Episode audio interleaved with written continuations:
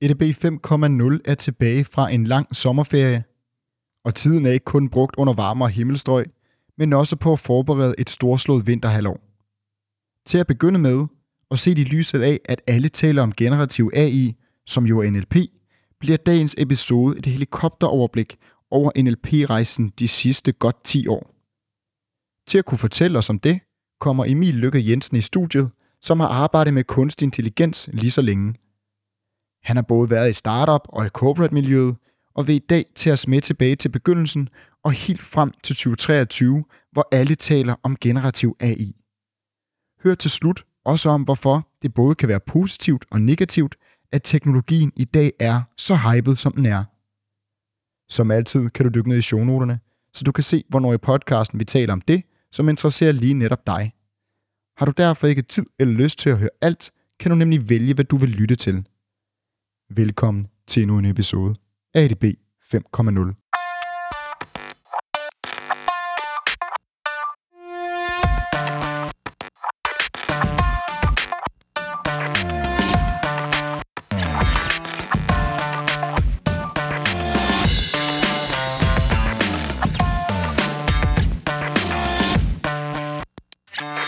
Hej Emil. Hej. Velkommen til. Jo, tak.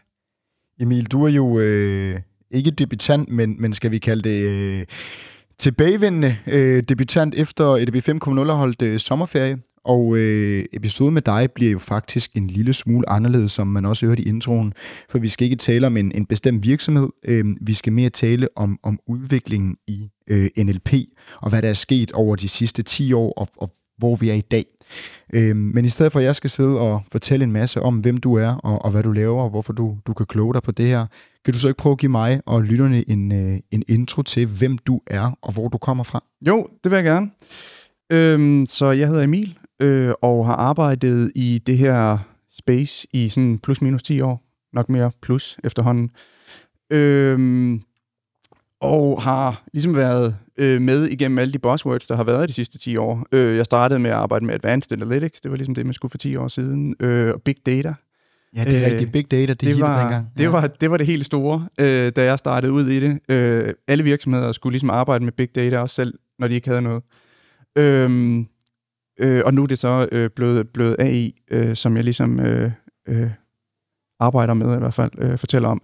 Øh, og jeg arbejder meget i det her sådan, øh, område inden for data science, AI, ML, som er sådan det anvendte område, kan man sige. Det vil sige... Hvad betyder det, det anvendte? Ja, men det betyder egentlig bare, at man sætter ting i, i produktion. Altså, men man kan sige, hvis man sådan skal, skal skære det ud i sådan to områder, sådan meget, meget simplificere det, så kan man sige, så er der nogen, der sidder og forsker i det, øh, udvikler øh, modeller og løsninger og sådan nogle ting. De sidder typisk øh, inden for det her felt AI, så sidder de faktisk typisk i, i de store øh, tech-virksomheder, altså Google og Meta og OpenAI for den sags skyld. Øh, der sidder også nogen selvfølgelig på universiteterne og sådan noget, men de sidder sådan typisk og, og udvikler store, kæmpe modeller. Så sidder der en hel masse andre, og det er sådan mere den gruppe, jeg tilhører, som så tager nogle af de her modeller, og så øh, øh, produktionssætter dem ude i virksomhederne. Og man kan sige, det er, sådan, det, det, det er et lidt andet sæt af kompetencer. Altså, Udover at du selvfølgelig også skal kunne arbejde med AI-modeller og machine learning-modeller, og du skal vide, hvordan de forskellige øh, modeller interagerer, og du skal finde ud af at træne dem, du skal finde ud af at hyperparameter tune dem, og alle sådan nogle ting. Så er der også alle mulige andre ting, du skal kunne, som er sådan knap så tech-specifikke. Øh, særligt i det arbejde, jeg laver, så er det sådan, du skal have en rimelig god evne til at forstå en forretning. Øh, jeg arbejder som ekstern konsulent nu og har gjort det øh, on and off øh, i, i de sidste 10 år. Øh, og det gør, at når du ligesom kommer ind i virksomheden, så skal du forstå, hvad det er, virksomheden laver. Du skal forstå stakeholders i virksomheden. Du skal forstå, hvad er det vigtigt for C-level, hvad er vigtigt for menige medarbejdere, alle sådan nogle ting øh, skal du relativt hurtigt sådan forstå, og du skal også forstå, hvad er det egentlig, de gerne vil have løst. Og så skal du prøve at bygge en eller anden løsning og se, kan du løse det her? Og du skal gerne så hurtigt som muligt finde ud af, kan du løse det, eller kan du ikke løse det, sådan at du ikke risikerer at spille du ved, virksomhedens tid og penge på det. Og så skal man så sætte det i produktion efterfølgende, som også er sådan ret, ret stor ting. Så det er sådan det, jeg har lavet. Øh, og det har jeg gjort dels øh, som selvstændig konsulent. Jeg har også været i Pension Danmark i en fire års tid, øh, hvor jeg var deres første data scientist, øh, og udviklede en, øh, synes jeg selv, øh, ret fed øh, MLOps-platform sammen med en øh, kollega Og derinde. hvad, hvad er en MLOps-platform? Jamen det er egentlig det, er sådan, øh, det, det er det her, at du tager en machine learning model, og så produktionssætter du den efter sådan nogle gængse softwareudviklingsprincipper.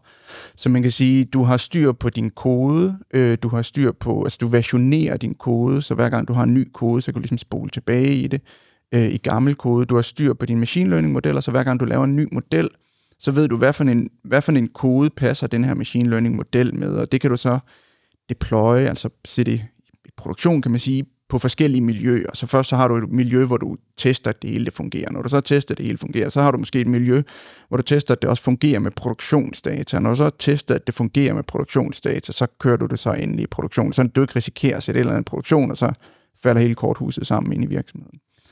Så Øhm. du har altså været, øh, været ekstern konsulent, du har været inde i Pension Danmark, Mm. øhm, men jeg ved jo også, at det der ligesom satte ild til din, eller skal vi sige i den her podcast, satte strøm til din interesse for, for NLP, var et projekt, du var med til at lave for, for 10 år siden med noget øh, Twitter-data, som, som øh, mange andre jo også har gjort.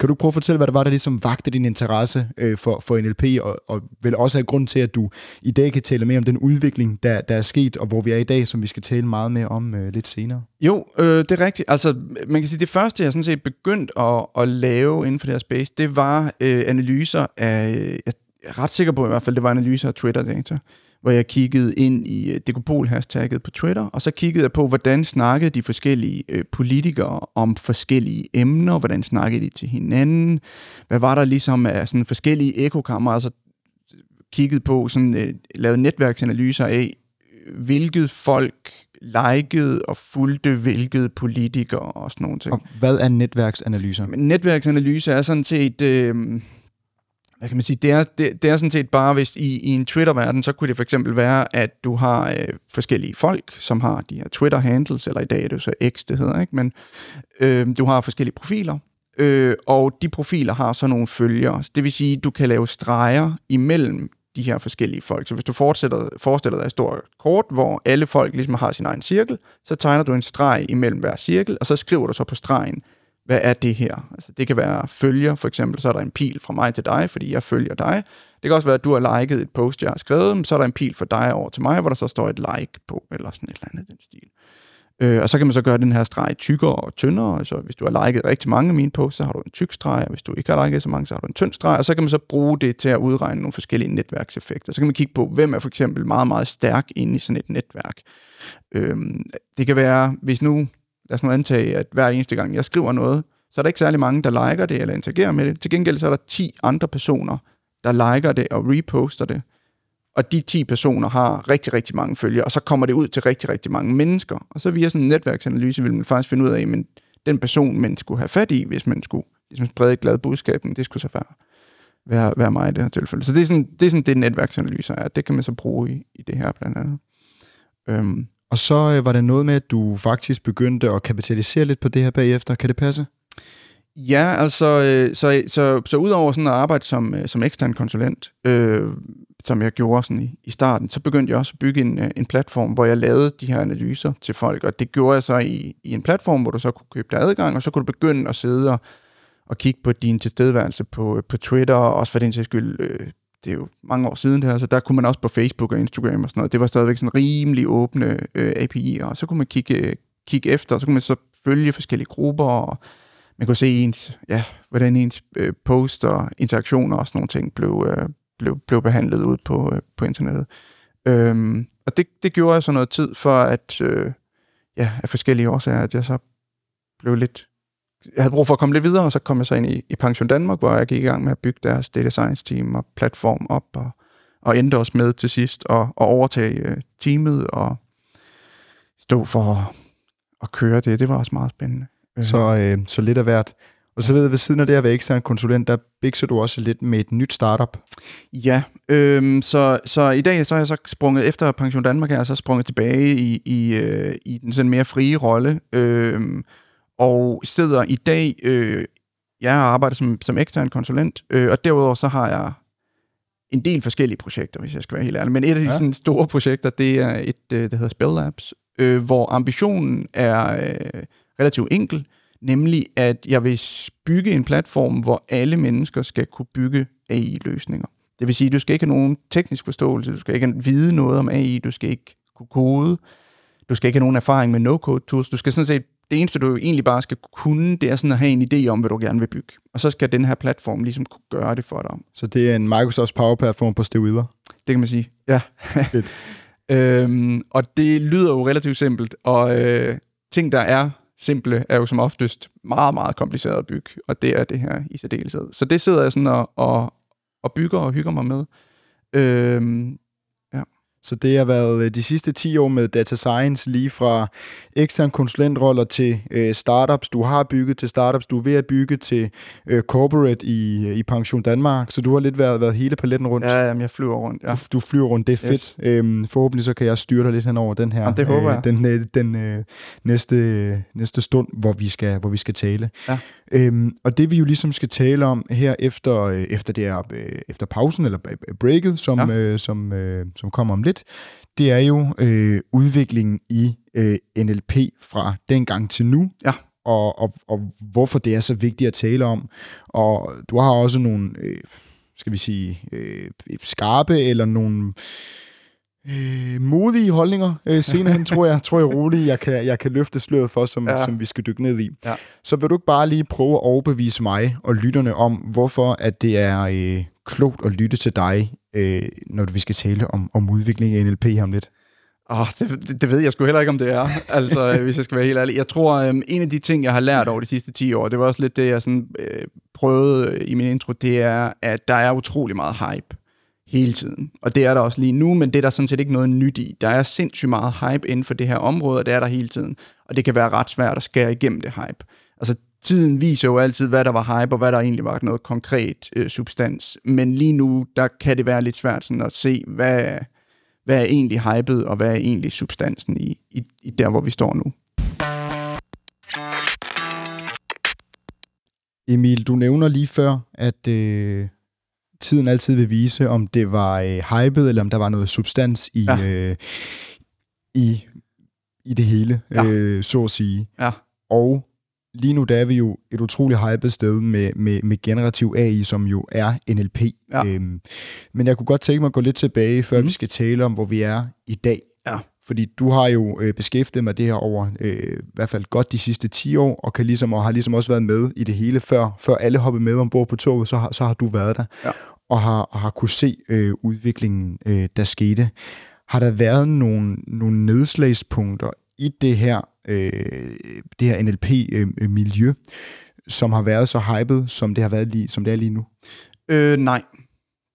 Det, det, var, det, det, det har der ikke. Det var et øhm, dejligt konkret svar. Ja, og det, det synes jeg afgjort ikke, der har. Det, grunden til det, det er, at der har været meget hype, men det har været mere for, for inderkredsen, eller hvad man skal sige. Det har været for os, hvis man kan sige det på den måde, der har arbejdet med det. Der har været ekstremt meget hype. Men, men det er aldrig sådan svømmet ud over de sådan mere brede... Ja, nu jeg tænker over det, hvis der skal være en case, så skal det være selvkørende biler. Hvad har det med NLP at gøre? Øh, ja, det har, så ikke, okay, det har så ikke noget med NLP at gøre. Øh, men, men mere for, for at lave en sammenligning inden for AI-space. Ja. Altså selvkørende biler har også været ekstremt hyped, og har jo ikke sådan lige leveret så hurtigt, som vi egentlig gik og tænkt. Nej. Øh, derfor jeg ved ikke, 10 år siden, da Elon Musk først begyndte at snakke om, at det, det kom næste år. Præcis, og der vidste folk heller ikke, hvad Elon Musk var, ved mindre man var inden for, inden ja. for spacet. Nej. Øhm, men lad os tage nogle af de her nedslagspunkter for ligesom at kunne... Øh, meningen der er jo, at vi skal op i helikopteren yes. og se på, på udviklingen, ja. som måske skal give os nogle, nogle fremtidsperspektiver, og måske kan vi endda også begynde at, at kloge os på, øh, hvor, hvor, hvor det er øh, på vej hen. Ja. Så hvis vi går tilbage i tiden, ja. øh, hvad stammer NLP fra? Hvornår bliver det første gang introduceret? Hvem anvender det? Og ja, altså så... Øh, det bliver en meget, meget lang øh, lektion. Man kan sige, at NLP har sådan mere eller mindre eksisteret øh, i stort set al den tid, man sådan har haft øh, øh, moderne computer, det vil sige siden 2. verdenskrig, basically. Man snakkede meget om sådan machine translation, tror jeg sådan i 50'erne, 60'erne, øh, var det sådan en, et, et topic, man prøvede at arbejde meget på. Øhm, man kan sige, hvis man sådan skal fast forward lidt, og så se, hvad er det, hvordan har man arbejdet med det tidligere, og hvad er det ligesom, der er nyt i den måde, man tilgår det på i dag, så vil jeg sige, sådan, da jeg startede med at arbejde med NLP for en, for en 10 år siden, øh, der brugte man typisk øh, sådan nogle back of words modeller kalder man det. Og basically det det er, det er, at du tager et, øh, en tekst, en e-mail, et dokument, øh, et, et tweet, et eller andet, og så splitter du det op i enkelte ord. Så kan du gøre forskellige ting med de her ord. Du kan fx øh, sådan øh, øh kode dem ned, så du fjerner alle endelser på ordene og sådan nogle ting. Så kan du også fjerne alle mulige ord, der ikke giver mere, altså som ikke giver nogen sådan, øh, noget værdi, det vil sige og i sådan nogle forskellige ord, vi kalder med stopord, dem kan du fjerne. Og så har du sådan tilbage, har du sådan en, en, en, en sump af ord fra det her tweet, eller fra den her e-mail, som ligesom er, er kogt helt ned, og du har fjernet alle fyldord. Dem kan du så gøre nogle ting ved. Du kan fx begynde at tælle dem. Så tæller du, hvor mange gange opstår de her ord. Det kalder man term frequency. Og hvis man så vil gøre noget lidt mere ved det, så smider du et øh, IFDF på, eller TF, IDF, øh, så du, du øh, tæller så, hvor mange gange optræder det her ord ud af summen af ord. Så hvis du har en e-mail på 100 ord, et af de ord, øh, eller 10 af de ord er hej, for eksempel, jamen så vil det få en TF-IDF-score på 0,1. Og så kan du så bruge det til at sammenligne dokumenter. Det er sådan set et ret smart værktøj, hvis du for eksempel, lad os nu sige, du har 100.000 øh, anmeldelser på Trustpilot for eksempel, og du vil gerne finde ud af, hvad er det, der differentierer de her anmeldelser? Hvorfor er det, folk er sure, når de er sure? Og hvorfor er de glade, når de er glade? Jamen, så kan du bruge den her TF-IDF til ligesom at gå ind og kigge på, hvad er det for nogle ord, de bruger, når de er sure, versus når de er glade, for eksempel for de produkter og sådan nogle ting. Så det kan man egentlig komme ret langt med, og du kan også lave sådan øh, relativt fornuftige machine learning modeller med de her TF-IDF, hvor du, hvor du øh, bygger noget machine learning hen over sådan de første spam-modeller, der, der sådan kom ud og blev brugt, jamen de baserer sig sådan set på det her. Så det er sådan en måde, man har arbejdet med det ved at, ved at arbejde med de her back of words, kan man sige. Det der så ligesom, det der sker, øh, kan man sige, derfra, fra, fra, fra det her back of words, noget af, et af de, en af de stepstones, der er til der, hvor vi er i dag, det kommer med nogle modeller, man kalder, kalder lidt forskellige word-to-vec-modeller, eller text-to-vec, eller doc-to-vec-modeller. Øh, Og det, man gør der, som er anderledes fra back-of-word-modellerne, det er, at lige pludselig så begynder du at vektorisere ord. Og før vi skal tale om, øh, om tekst to væk og det ja. med vektorisere ord, hvad yes. det betyder, og, og, og, og hvad det har af, af betydning, øhm, så ved jeg også, at meget af det, vi, vi laver i dag, jo, jo går, bygger eller baserer sig på noget, vi lavede allerede tilbage i, i 80'erne. Nu taler du lidt om, hvad der skete i 50'erne og, og 60'erne. Men jeg ved, at i 80'erne, der begynder vi at udvikle nogle, nogle algoritmer, så meget af det, vi har i dag, eller i hvert fald havde, det bygger sig på. Kan du fortælle lidt om, øh, om det? Øh, ja, Altså ikke... Altså man kan, man kan sige, det hele står på, på en eller anden måde sådan lidt på skuldrene af, af noget, der, der er lavet tidligere. Og mange, ja, altså mange af de algoritmer, man, man bruger i dag, er mange af de algoritmer, man, øh, altså med øh, random forest modeller eller SVM modeller, sådan nogle forskellige ting. Øh, nu er SVM lidt, lidt nyere, men mange af de algoritmer er sådan set udviklet for rigtig mange år siden. Man kan sige, Øh, meget af grunden til, at man så kan bruge dem i dag, jamen det er sådan mere, fordi man har compute power, der er, der er stort nok øh, til ligesom at kunne trække de her modeller. Øh, ja, det vil sådan være, være, være det korte svar. Altså man kan sige, at hele grundtanken og den teoretiske del bagved blev faktisk udviklet for længe siden, men dengang, der havde øh, den compute power, der var tilgængelig, var ikke engang lige så stor som det, der er i vores telefon i dag.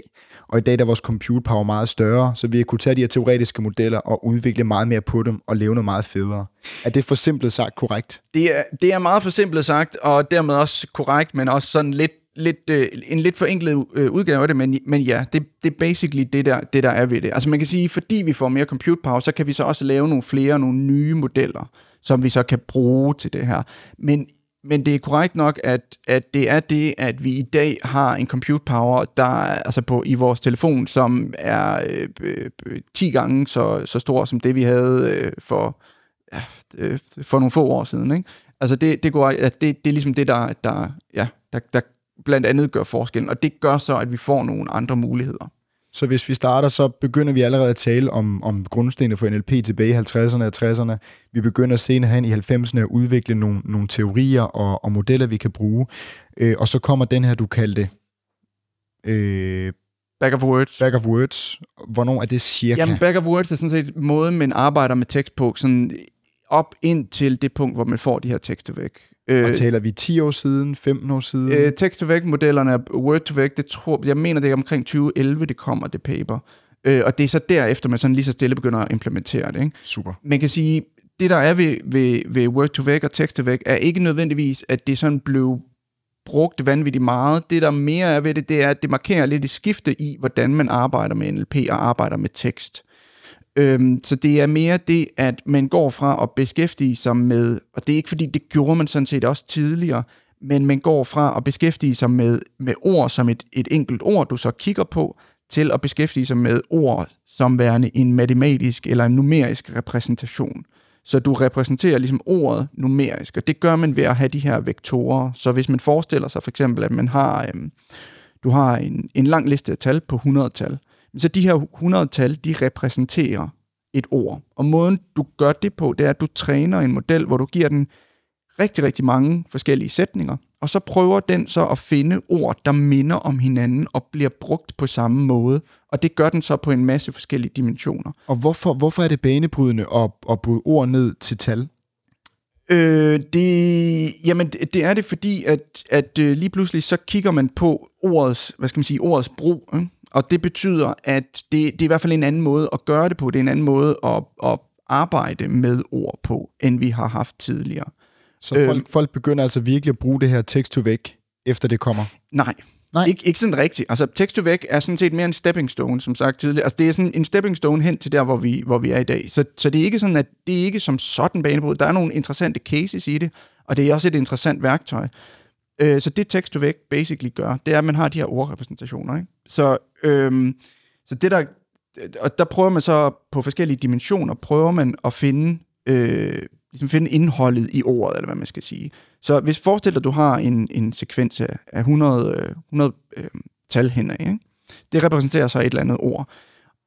Og det, der så er interessant i de her tekst modeller det er, at du kan plusse og minuse de her ord. Så hvis du for eksempel tager ordet konge, siger ordet konge minus ordet kvinde, øh, eller undskyld, minus ordet mand plus ordet kvinde, jamen så vil du måske få en ordrepræsentation, der er meget, meget tæt på ordet dronning. Og der er sådan nogle interessante, sådan sjove cases rundt omkring, hvor du kan også tage ordet London minus ordet England plus ordet Frankrig, og så får du en ordrepræsentation, der er meget tæt på ordet øh, Paris. Så du kan sådan arbejde numerisk øh, og matematisk med de her forskellige øh, ord. Og det, det, det, er, det i sig selv er sådan meget interessant. Det, der er så udfordringen med text to modeller det er, at ordet er altid det samme. Så det tager ikke, hånd, øh, tager ikke hensyn til den kontekst, det er i. Øh, det tager ikke hensyn til den semantiske øh, øh kontekst, om jeg så må sige, det er i. Det vil sige, øh, hvis vi bruger ordet konge, ikke? Øh, den her podcast er konge, jamen det, der vil ordet konge have samme tekst, eller samme øh, øh vektorrepræsentation, som jeg er en konge, for eksempel. Og lige i det her tilfælde kan det ikke betyde, betyder det ikke nødvendigvis så meget, men ordet DUR, altså der er meget stor forskel på, om jeg lukker en dør, eller om jeg dør. Ja. Det, det er jo bogstaveligt talt liv eller død, ikke? Øhm, så der, der vil ordet se ens ud i en tekst-to-væk-model, men det vil jo have to meget, meget forskellige betydninger. Og derfor så var det, så er det noget, man kan bruge i machine learning-modeller og sådan nogle ting, men det var ikke det her kæmpe breakthrough øh, endnu, i hvert fald. Men, men det er sådan en, en stepping stone hen imod øh, det her paper, Attention is all you need. Og før vi når hen, for det er nemlig næste, ja. næste skridt på rejsen, øh, så prøver jeg stadigvæk lige at liste op i en, i en kronologisk rækkefølge. Ja. Så teorier og modeller findes længe før øh, compute power gør virkelig, at vi speeder op i processen. Vi kommer til, til, til back of words, som, som i datidens øh, termer øh, virkelig gør meget for, for NLP. Mm. Så kommer det her øh, text to væk, som er et stepping stone, men egentlig ikke rigtig bliver brugt siger du? Jo, jo, altså det bliver brugt. Altså, det, det bliver bestemt brugt. Øh, man kan sige, det, det, det fungerer, altså, øh, det er rigtig godt til nogle ting. Altså det, det er ret godt til, øh, man bruger det meget sådan i, hvad hedder det, øh, altså øh, unsupervised øh, algoritmer, altså når du skal gruppere dit data for eksempel og sådan nogle ting, så kan det være, være, være smart at arbejde med. Men, men, øh, men man mangler ligesom det her semantiske element i det. Altså det mangler ligesom, at, at, at ordene skifter øh, øh, repræsentationer, afhængig af, øh, hvad, de, hvad de ligesom bliver brugt i. Præcis. I kontekst, det bliver brugt i. Så det gør vi fra cirka 2011-2012 frem til en 2017-18, hvor vi nu skal tale om det her paper, der hedder Attention is, is all you need, Mm. som jo øh, for alvor sætter, sætter skub i tingene. Mm. Så øh, kan du ikke fortælle lidt om Attention is all you need? Jo. Hvem, hvem laver det, og hvad bliver det brugt til? Og hvad, hvad er det? Ja, altså Attention is all you need er et paper, som bliver øh, publiceret af nogle, øh, nogle folk ved Google i øh, 2017. Øhm, og øh, sådan i starten øh, øh, er det jo meget interessant og sådan nogle ting. Øhm, og, og det, de bruger det til, eller den use case, de ligesom bruger det til, til at ligesom bevise, at den, den nye arkitektur, de har fundet på, er, er god, det er, øh, det er det her oversættelse, som faktisk også i sin tid, som nævnt, lavede der tilbage i 50'erne og 60'erne, og prøvede ligesom at du ved, bygge nogle løsninger, du kunne oversætte fra et sprog til et andet. Og der med det her Attention is all you need, der bruger de til de her oversættelses øh, øh, øh, ting. Øh, man kan sige, hvis man sådan skal prøve at forklare, hvorfor det er, at lige præcis denne her, det her paper er vigtigt, øh, og hvorfor denne her modelarkitektur, som man kalder transformer, hvorfor den er vigtig, så er det netop fordi, at den tager hensyn til konteksten, et ord optræder i. Og det gør det sindssygt interessant. Man har prøvet at gøre det tidligere, man har også gjort det lidt tidligere, men det har været sådan noget, der har været ekstremt dyrt i, i forhold til compute power at gøre. Derfor er det ikke rigtig noget, der er, der er blevet til noget i virkeligheden. De øh, introducerer her en ny sådan måde at gøre det på, der gør, at det er super skalerbart, og der, der gør, at det er sådan relativt billigt i sådan beregningskraft at bygge de her modeller. Og basically måden, man ligesom træner øh, de her modeller på, det er, at du, øh, når du har en sætning, så tager du et ord, og så kigger du på de ord, der står øh, ved siden af i sætningen. Og så lader du ligesom dem være med til at definere det her ord, du, øh, du har. Så det vil sige, du tager en sætning, så tager du et tilfældigt ord ud, og så beder du din machine learning model om at finde ud af, hvad er det for et ord, der står herinde. Det vil sige, at den skal gætte det ord, du lige har fjernet, ud fra de ord, der står rundt om. Så Øhm, det kunne for eksempel, min eks er sød. Ja. Og nu er det så ikke ekskæreste, men, Nej. men det kunne være ven, eller mor, eller søster, eller Præcis. jeg skal komme efter dig. Lige præcis. Så beder du ligesom den her øh, model om at prøve at regne ud, hvad er det for et ord, der står der. I starten, der vil du bare smide alt muligt random ting ind. Men over tid, så vil den rimelig hurtigt finde ud af, at der er nogle ord, der faktisk performer lidt bedre her, der giver os noget bedre øh, respons end andre ord, og hvis du bruger tilpas meget data, og det er det, der ligesom er en af, af, af de fede ting ved Transformers-modeller, det er, at den er super skalerbar, så du kan putte rigtig meget data ind i denne her model her, og hvis du giver den tilpas meget data, så vil den over tid faktisk finde ud af, hvordan er det, at, øh, hvad hvad er det for et ord, der bliver puttet ind i denne her mask, eller der, hvor du har dit X der, ikke? Øhm, og det gør, at den kan lære semantiske betydninger af ord, og semantiske sammenhænge og sådan nogle ting. Det er ret interessant, fordi så lige pludselig vil ordet konge være meget, meget forskelligt afhængig af, hvad for en kontekst du bruger det, eller ordet øh, dør, dør, vil være meget, meget forskelligt afhængig af, hvilken kontekst du bruger det i. Og er det også her, Google de øh, udgiver deres øh, sprogmodel? Øh, det kommer lidt senere, øh, og så vidt jeg ved, nu kan det godt være, jeg husker forkert, men så vidt jeg ved, så er det faktisk øh, de to forskellige, lidt konkurrerende afdelinger i Google, øh, som, som laver hver sin. Det er den ene afdeling, der laver det her paper, og det er så den anden afdeling, som laver øh, den her BERT-model her, øh, som kommer i slutningen af 18, tror jeg det er.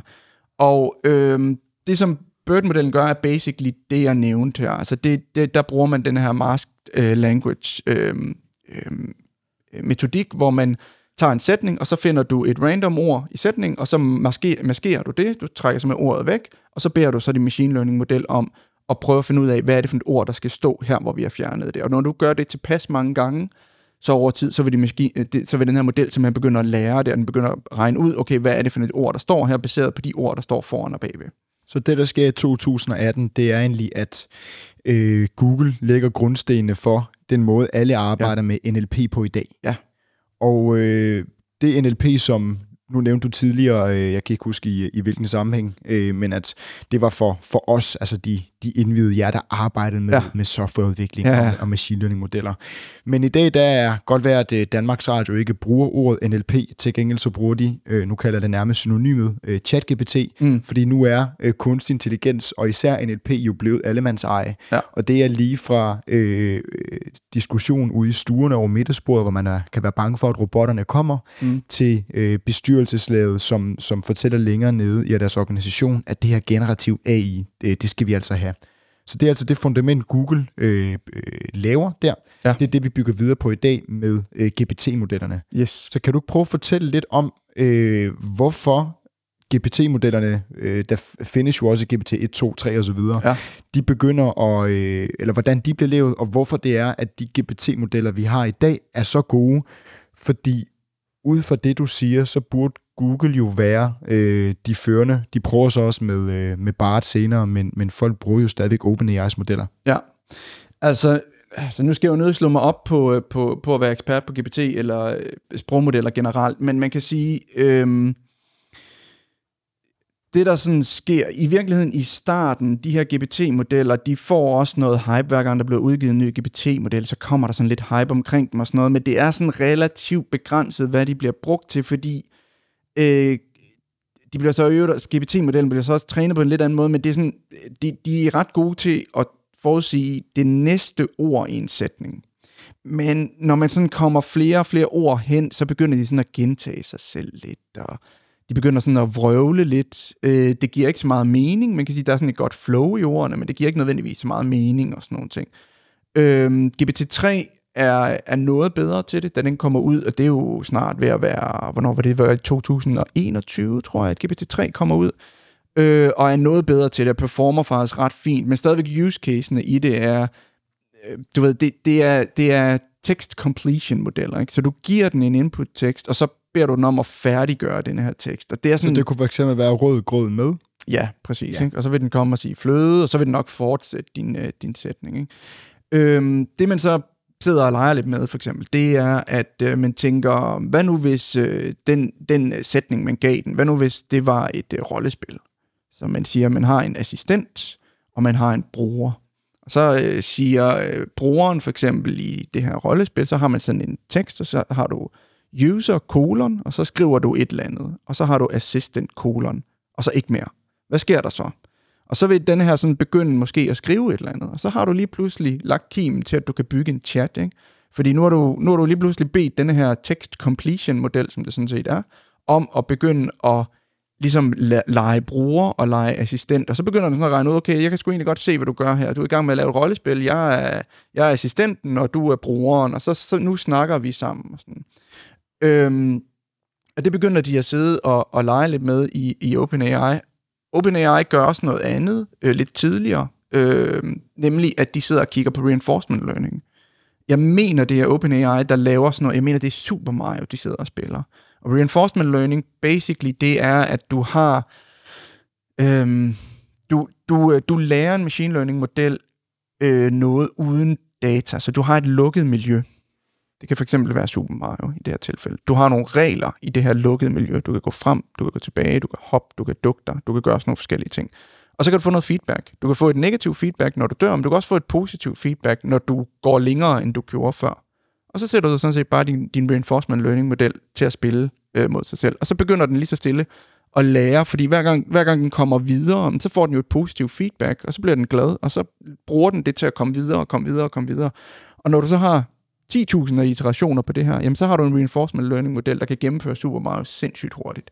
Så det er noget af det, som OpenAI blandt andet sidder og laver. Det de så gør, det er, at de tager den her idé om, altså, nu er det virkelig for simpelt, ikke? men de tager den her idé om det her rollespil, for de her text completion modeller, og så parer de det med de her reinforcement learning modeller, hvor du bruger reinforcement learning til at sige, at det output, som din, øh, din text completion model kommer med, altså når du skriver assistent kolon, og så skriver den et eller andet, er det output godt? Er det noget, altså giver det mening, det den skriver? Og der, bruger, der træner du så ligesom en reinforcement learning model til at afgøre det. Og hvis du gør det på den måde, så kan du lige pludselig skalere det, fordi hemmeligheden her, og det trækker i virkeligheden tilbage til øh, genistregen ved transformer-modellen, hemmeligheden er, at du kan, du kan og du skal bruge sindssygt meget data for at bygge de her modeller. Og jo vildere ting du vil have din model til at gøre, jo mere data skal du bruge. Så GPT-3-modellerne for eksempel, de, de er jo trænet på altså milliarder af, af, af ord og sætninger og dokumenter. Ikke? Altså, det er jo stort set alt, hvad der kan kravle og gå. Man ved jo sådan set ikke, hvad der er i. Men man antager jo, at det er det hele. Også ting, der ikke må være der. Altså, øh, du ved, alle bøger nogensinde skrevet og copyrightet herfra ind i helvede, ikke? De er også i GPT-3. Altså. Øh, men, men ved øh, Meta, de lavede, da de lavede den første Lama-model, der var de så, øh, så dumme, at de også offentliggjorde, hvad for noget data den var trænet på. Og der fandt man ud af, at de har trænet det på copyrighted data. De har trænet på et korpus, der hedder Book 3, så vidt jeg husker. Og det er basically bare piratkopierede bøger. Det er Harry Potter og alt det der, som de har trænet den her model på. Det lærte de så af, så da de kom med Lama 2, der, øh, der fortalte de ikke, hvad data det var bygget på. Øhm, men, men, øh, men det, er sådan, det er sådan hemmeligheden i ChatGPT i virkeligheden, det er, at man skalerer den her proces med at lave det her rollespil. Ikke? Så de sidste 10 år er vi gået meget for simpelt fra, fra back of words til, øh, til text to væk, hvor efter Google så er kommet, den ene afdeling, kommet med øh, det her paper, text, øh, ikke text to væk, attention is all you need, mens den, en, en anden afdeling samtidig sidder og, og bygger Bird. Og så øh, OpenAI begynder altså at bruge nogle af de her reinforcement learning osv. og bygger oven på det eksisterende, og derfor er de øh, lige nu nogle af de førende inden for, inden for NLP-verdenen.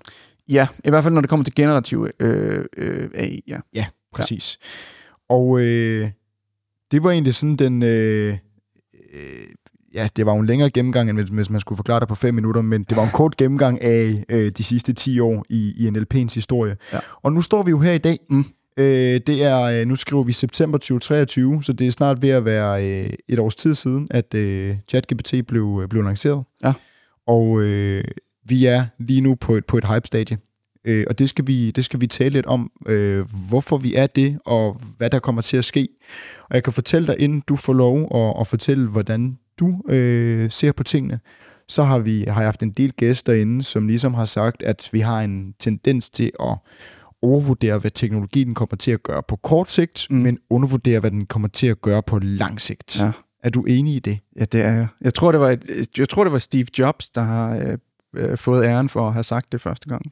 Og det er jeg meget enig i. Godt.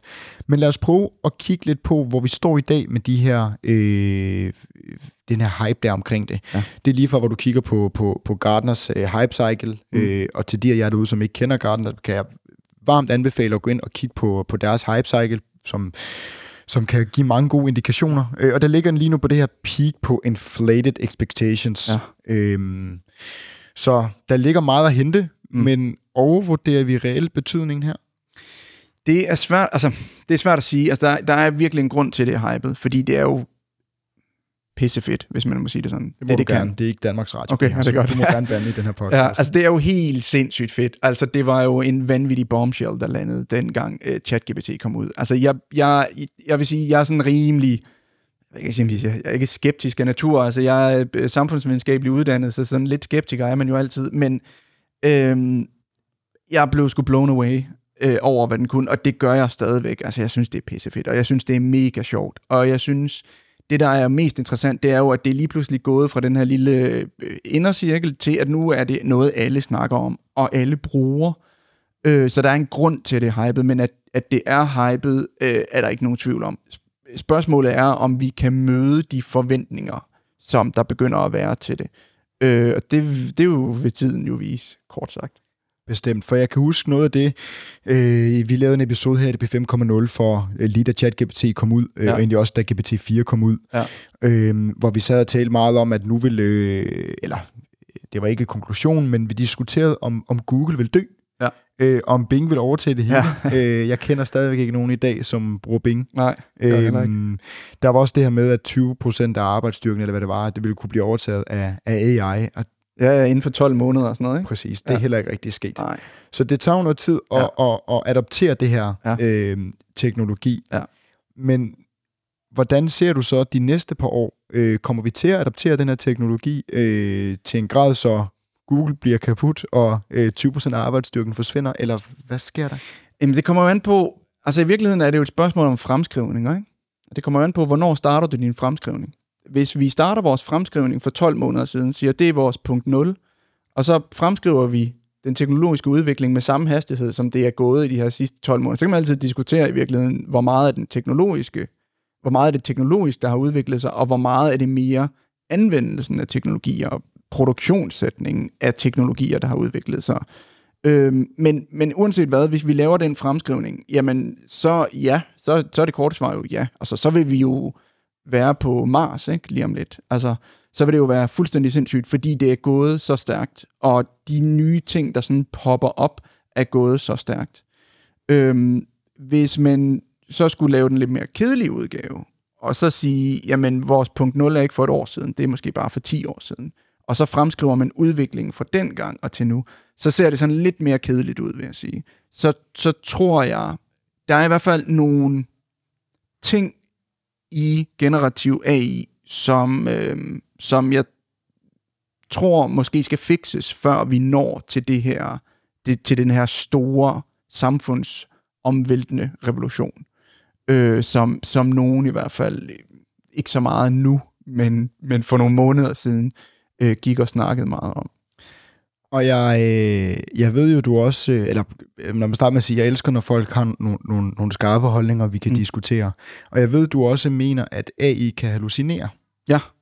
Altså, det ved jeg ikke, hvor meget, om, om, det, er mere, om det er mig, der mener. Altså, det er jo sådan en, en, en almen ting, kan man sige. Når man arbejder med machine learning-modeller, så er det jo sådan, det er jo sandsynligheder, den, den kommer ud med.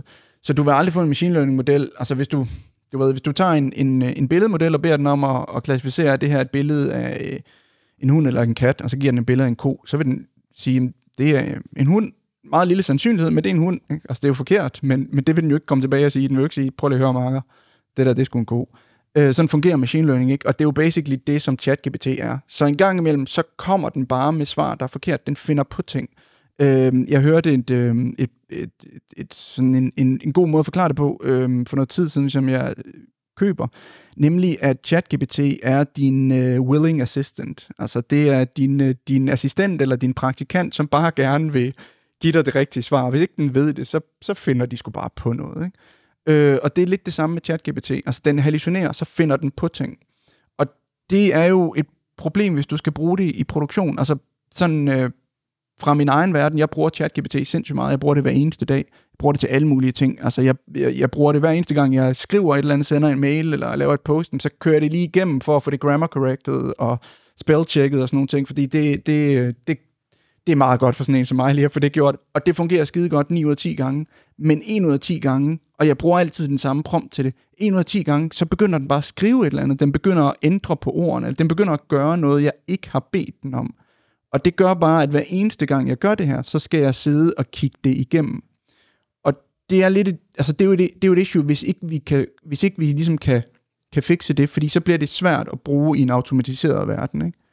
Øh, hvis ikke vi kan være sikre på, at den altid giver det resultat, vi forventer. Hvis ikke vi kan være sikre på, at den ikke bare begynder at finde på ting, så kan det være svært at bruge i en automatiseret verden.